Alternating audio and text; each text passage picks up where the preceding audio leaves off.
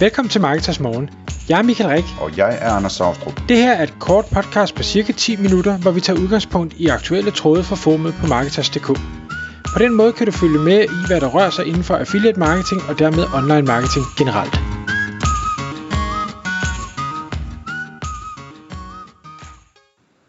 Godmorgen Michael. Godmorgen Anders.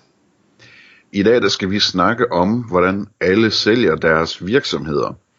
Og jeg har sådan lidt en fornemmelse af, at øh, det handler om alder i virkeligheden. At, øh, at du er, vi er oppe i, i så høj en alder, så vi kender en masse mennesker, som har nogle virksomheder, de begynder at sælge.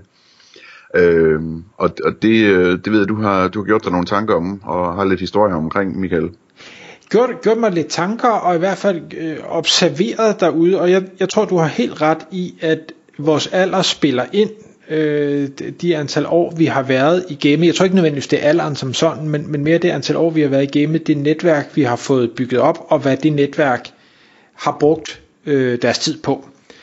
Og det, det jeg synes, jeg ser i, i mit netværk, det er, at der er mange, der er, er nået til punkter nu, hvor, hvor de har været i gang med virksomheder i 5, 10, måske 15 år, og har bygget dem op til øh, succesfulde forretninger i, i forskellige øh, størrelser. Nogle er selvfølgelig mere succesfulde end andre, men hvor mange også er nået til et punkt, hvor de måske kunne tænke sig at sælge, fordi de er blevet træt af, af, af at lave det samme igen og igen, og nu gerne vil i en anden retning, deres livssituation. Altså mange ting kan jo ske over 10-15 år. Det kan være, at livssituationen har ændret sig. Det kan være, at de har fået et, et tilbud, de ikke kan sige nej til. Nu er virksomheden blevet en størrelse, hvor nogen finder den interessant at opkøbe. Øhm, og der kan være alle mulige grunde øh, til det, men nu kan man sige, at jeg har ikke en, en, en virksomhed som sådan, øh, der, der er til salg øh, eller kan sælges lige nu. Men, men det er der mange af de andre, der har, og derfor får jeg lov at være med på sidelinjen og høre om ja, frustrationerne og, og, øh, og hele opgaven der er at sige, okay, hvis man nu er nået til det punkt, hvor man tænker, man skal sælge, eller man har fået nogen, der siger, vi vil gerne købe, hvad er det så for, hvad, hvad, hvad skal man så? For det, det er en stor omvæltning, hvis du har brugt 10-15 år af dit liv og mange timer på det her, og, og så pludselig blive en del af noget andet, eller sælge din baby, og, og hvordan skal du sælge det? Øh, og hvem skal du sælge det til, og, og hvad skal prisen være, og alt det her. Og det, det synes jeg er, er dybt fascinerende at få lov at følge med i. Nogle af de punkter, jeg har skrevet på min liste, det er øh, det her med, når man så sælger. Hvis vi lige holder værdiansættelsen ude af det, fordi det er jo et, et helt kapitel for sig at sige, jamen, hvad, hvad er ting værd? Jamen i bund og grund, det er jo aldrig mere værd, end det nogen vil betale for det uanset hvad man selv synes, at det er værd, jamen hvis der ikke er nogen, der betaler den pris, du synes, det er værd, så kan det ikke blive solgt. Og, og længere er den ikke. Det der selvfølgelig så også er i sådan en, det er, og jeg kan ikke huske, hvem det var, der, der sagde det engang, men jeg tænkte, det var så godt sagt, det var sådan lidt, jamen, øh, når du har to parter, der skal handle, hvis den ene siger, jeg vil bestemme prisen, jamen det er fint nok, det kan da også være, at du kan få lov til det, men så vil den anden part bestemme betingelserne. Og det er sådan lidt, du kan ikke både få lov, eller oftest ikke både få lov at bestemme pris og betingelser. Så, så hvis prisen skal være lav, jamen, så kan det være, at betingelserne skal være gode i den andens favør, og omvendt, hvis prisen skal være høj, så er betingelserne måske ikke så favorable. Øh, for eksempel som, at du som øh, hvad hedder det, sælger af virksomheden er bundet til at skulle arbejde der de næste fem år, og det er måske ikke det, du gerne ville, hvis det er fordi, du er træt af det og gerne vil videre til noget andet. Det har jeg nogle øh, i netværket, hvor jamen, det var fedt at kunne sælge virksomheden, det var fedt at få nogle penge ud af det, men efter x antal år i, i den efterfølgende virksomhed, synes de faktisk ikke, det er fedt, og, og, og tæller lidt dagene til, at de kan komme ud af de klausuler, der nu er, er blevet lavet. Ja, det er lidt en risiko at tage, ikke? Øh, at binde sig til flere års arbejde for en eller anden arbejdsgiver, hvor, hvor det så øh, hvis, man, hvis man øh, ikke gider mere at sige op, så øh, taber man lige halvdelen af, af sin formue på gulvet eller et eller andet. Og øh, lige præcis, og der er det jo netop de der betingelser kommer ind. Det kan godt være, at du kan få en høj pris, men du kan først få den om x antal år, hvis du bliver ved at arbejde. Øh, og det er jo sådan lidt nogle, nogle gyldne håndjern, som, som nogen sikkert har det fint med, hvis det er et godt sted at fortsætte, men hvor det for andre er faktisk øh, er rigtig ubehageligt at, at skulle stå op til hver eneste dag.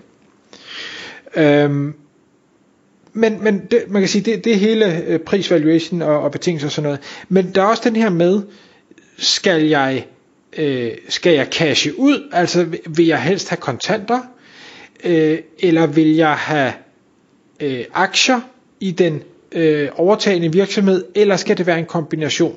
Hvad er det, øh, jeg gerne vil? Og, og nu er øh, mange virksomheder er jo ikke kun en person, der, der er måske et founder team eller noget, og der kan det sagtens være, at man har forskellige ønsker om, hvad er det man vil, hvor mange penge vil man have ud, øh, eller vil man hellere øh, have aktier i den nye virksomhed. Nu ved vi, at vores gode venner hos øh, Sleeknote er, er blevet solgt til, til Drip, og, og der i, i marketing brief, hvor Emil han øh, løfter slør for noget af det, øh, jamen der, der fortalte han, at øh, han, har, han har faktisk fået hele sin sum af, af Sleeknote-salg, det har han investeret i Drip. Øh, så meget tror han på det, og, og han fortsætter også som deres CMO. Så det jo, synes jeg er en, en spændende case, hvor man virkelig tror på det fremadrettet, og gerne vil arbejde i det, og, og bytter den ene lodsel, eller hvad man skal sige, med en, en måske endnu større lodsel øh, i den anden ende. Det synes jeg er spændende. Det synes jeg også. Men det er også modigt, ikke? Altså jeg sidder her, det er 7, 9, 13 og så videre, men, men øh, for pokker, altså det er jo, hvad hedder det, hvis, var det ikke øh, Martin Thorborg, der fik, der fik øh, aktier i Lycos eller et eller andet, da de købte UB, øh, og så kom dot, dot .com øh, boblen bræst der i, var det 2000, 2001 eller sådan noget, og så var det hele ingenting værd lige pludselig, ikke? Øh, der tror jeg, der ville jeg gætte på, hvis det var mig, der var, øh, der var Emil der, så ville jeg nok sige, øh, det er super spændende, men øh, giv mig lige, øh, giv mig lige 30% af det kontant eller et eller andet, så jeg har lidt til pensionsopsparingen også. Ja. Jamen, og, og, det, og det er jo smag at her, og der håber jeg jo selvfølgelig, at alle har gjort deres research ordentligt. Nu kan man sige, øh, om ikke andet så Emil som, som deres øh, CMO får en, en vanvittig afgørende rolle fremadrettet i, hvordan virksomheden udvikler sig. Øh, jeg er med på, at han ikke ene mand kan påvirke alting, men han er trods alt en virkelig skarp fyr, så jeg, jeg er sikker på, at han nok skal gøre sit for, at det, det bliver en fremtidig succes hos Drip. Øhm, en, en anden ting, jeg har bemærket, og også når jeg, når jeg taler med folk, der, der enten har solgt eller sælger sin virksomhed i de her år, altså vi snakker måske fra, fra 2015, og, og nu skriver vi 2022, det er, at der er ekstremt mange penge ude i markedet. Altså vi ser nogle værdiansættelser af virksomheder, hvor man bare tænker, Gud fader i skuret, hvordan skal de nogensinde tjene de penge hjem igen? Det giver slet ikke nogen mening. Øhm, og er man sælger i det marked, det er jo fantastisk. Fordi så er der pludselig, der er alt for mange penge, og der er alt for mange, der gerne vil have de penge til at blive til et eller andet. Så, så der er måske overbud, og, og man får en, en værdiansættelse, øh, som er helt vanvittig, og du kan, hvor, hvor du måske i et ikke overophedet marked måske kunne sælge noget for, for 10 millioner, jamen så kan det være, at du nu kan sælge det for 100 millioner øh, bare fordi pengene er der. Øh, og, og, og det tror jeg også har fået en del til at sige, det kunne godt være, at det var nu, vi skulle sælge, i stedet for måske om tre år eller fem år, eller hvornår vi egentlig havde planlagt, at der skulle ske noget andet, simpelthen fordi vi ved ikke, hvad fremtiden bringer, men lige nu, der der er det bare sælgers marked. Kan vide, om det allerede er blevet påvirket af du ved, den her udvikling med, nu skal der til at være renteforhøjelser, og aktiekurserne på vækstvirksomheder, øh, på mange af dem er faldet en del og sådan noget, ikke? Øh, om, det, om det sådan går direkte ind i, i den slags allerede også? Jeg ved ikke, hvor hurtigt det går ind i den slags. Mange af de her, eller alle de her virksomheder er jo, er jo øh, hvad skal vi sige, unoterede, øh, og derfor en helt anden måde at værdiansætte på, en, en børsnoterede virksomheder er. Men, men det er da klart, at investorerne øh, vækstfonde eller, eller venturefonde eller øh, virksomheder, jamen de kigger der til, hvordan ser markedet ud. Øh, men det ændrer stadig ikke på, hvor mange penge, der er blevet trygt slash skabt over de sidste mange år. De penge er ikke pludselig forsvundet. Øh, men derfor kan det godt være, at folk er blevet en lille smule mere varsomme, og ikke er helt så vanvittige i forhold til, til prissætninger, men det er stadigvæk meget, meget høje multipler, der bliver arbejdet med. Øhm, en sidste ting, jeg har skrevet, som, øh, som egentlig kom så af øh, det podcast, jeg lavede med Mogens Møller øh, her for, for lidt tid siden, det var hele den her tanke om, hvem er det, man skal sælge til? Skal man sælge til de her kapitalfonde, som man jo godt ved, de køber noget for at gøre noget ved det, for så at sælge det igen? Og, og det kan være, at de splitter det op, og det kan være, at de slår det sammen, og det kan være, at de skærer det i skiver, og det, de kan gøre mange ting. altså, er man villig til, at den, det barn, man har bygget op i form af en virksomhed, bliver skåret i skiver, bare fordi der er flere penge i det for en fremtidig øh, ejer. Øh, hvordan påvirker det medarbejderne? Og der, der synes jeg, at min snak med Mogens var, var rigtig fint. Det var fedt at høre, hvordan at de virkelig gik op i deres medarbejdere, og det var kulturen, og medarbejderne kunne blive i deres job, og man kunne bevare kulturen og det fællesskab, man havde og sådan noget. Øh, og det var derfor, de havde valgt at sælge til, til Drip, fordi der var den samme kultur. Det var et selskab inden for samme niche og alle de her ting. Så det var ikke højeste bud, man havde valgt at tage. Ja, det er imponerende. Det, det, var, det var rigtigt, og Mogens har forklaret tusind gange bedre, end jeg kan, så det jeg anbefaler, at man lytter til det podcast. Øhm, men vi tog også en kort snak om det her med øh, andre lande, altså det at, at køberen, i Danmark er vi jo på en måde, og, og i andre lande er man måske på en anden måde. I Tyskland er det vist meget øh, kæftrit retning, og i USA der er meget hierarkisk. Og øh, der, der spurgte jeg Mogens, nu er blevet solgt til et amerikansk selskab, hvor han siger, ja, det var han også meget bange for, han aldrig troede, det skulle ske, men de var, fordi de var fra, fra øh, hvad hedder det, Minnesota-området, jamen så, så var de bare meget mere skandinaviske i, i alting, øh, og derfor så, så så de, at der kunne være et godt match der. Og det tænker jeg, det er jo også bare en, altså, endnu en af de ting, man skal tænke over i sådan en salgssituation. Hvad er det, der kommer til at ske fremadrettet, specielt hvis jeg er bundet, kan jeg så blive i det, eller vil jeg have at stoppe hver eneste dag, fordi så er det måske ikke pengene værd. Kan vi nå den sidste ting, den der, du nævnte, inden vi optog, med, øh, med at, at sådan folk går, går rundt og, og har en almindelig månedsløn, og så dagen efter, så, så er de 100 millioner kroner værd. Ja, og, og det, det er bare sådan en, jeg... Det er fascinerende.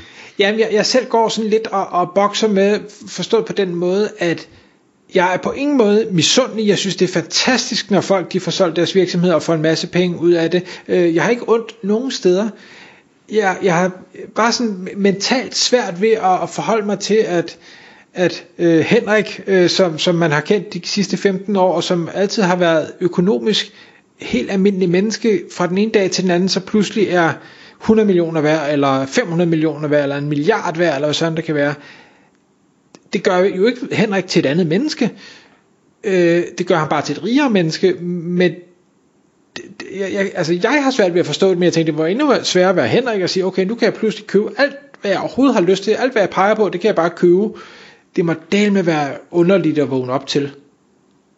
Og det må også være, altså det der så sker er jo selvfølgelig, at der er rigtig mange, der ændrer sig af Henriks venner, ikke?